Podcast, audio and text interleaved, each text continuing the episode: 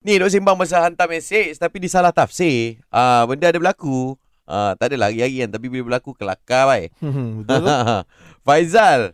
Assalamualaikum. Waalaikumsalam warahmatullahi. Salam. Apa cer bro? Betul eh. Kalau Ah, ah. korang ingat lagi, kalau korang ingat lagi, sebelum ni saya pernah call pasal Roblox. Okey.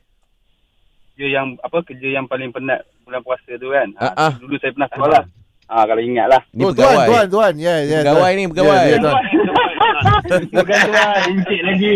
Ah, encik, encik, encik, lagi. encik. Encik, ah, encik, encik, encik. Sila cerita encik. Ah, Okey. Apa cerita uh, Hmm. ni, cik? Teringat 12 tahun lepas punya cerita. Okey. Masa tu, Ah, mesti. masa tu zaman zaman SMS. Aha. Saya kerja dengan syarikat telemarketing. Okey. Right? So tugas kami buat random call.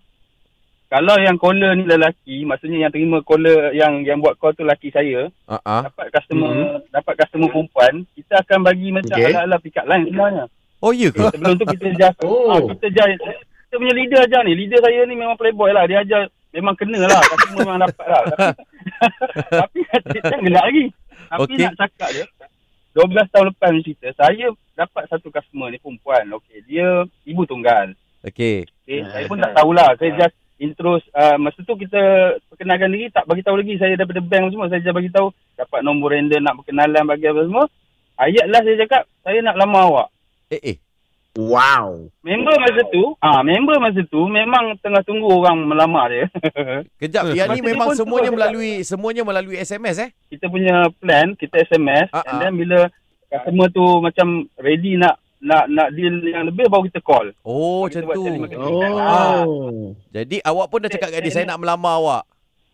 Yes, lepas tu dia terus lepas tu dia SMS panjang tau. Dia Ha. cakap saya memang memang cari orang yang boleh jaga saya, jaga anak saya. Ah, Ni tak payah buat besar-besaran. ah. Aduh. Lepas tu ah, apa hantaran boleh RM5,000 pun dah okey. Kalau tak cukup boleh share lah apa semua bambang-bambang. Ah ah. Lepas tu baru saya cakap. Ah, lepas tu saya pula dah serba salah.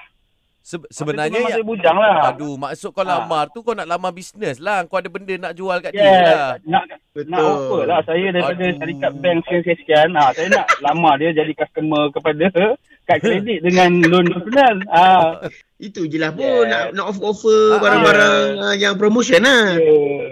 Ya, tapi teknik masa tu saya punya leader aja memang menjadi lah. Sebelum-sebelum tu memang dapat customer.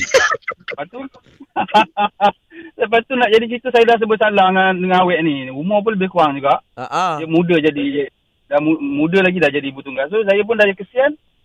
End up dia kita orang dah kahwin. Ya, serius. Ada kat rumah tengah tunggu aku balik. tengah tunggu aku balik. Tanya nasi lemak nak beli nasi lemak. Jangan lupa beli nasi lemak. Beli. Jangan. Aduh.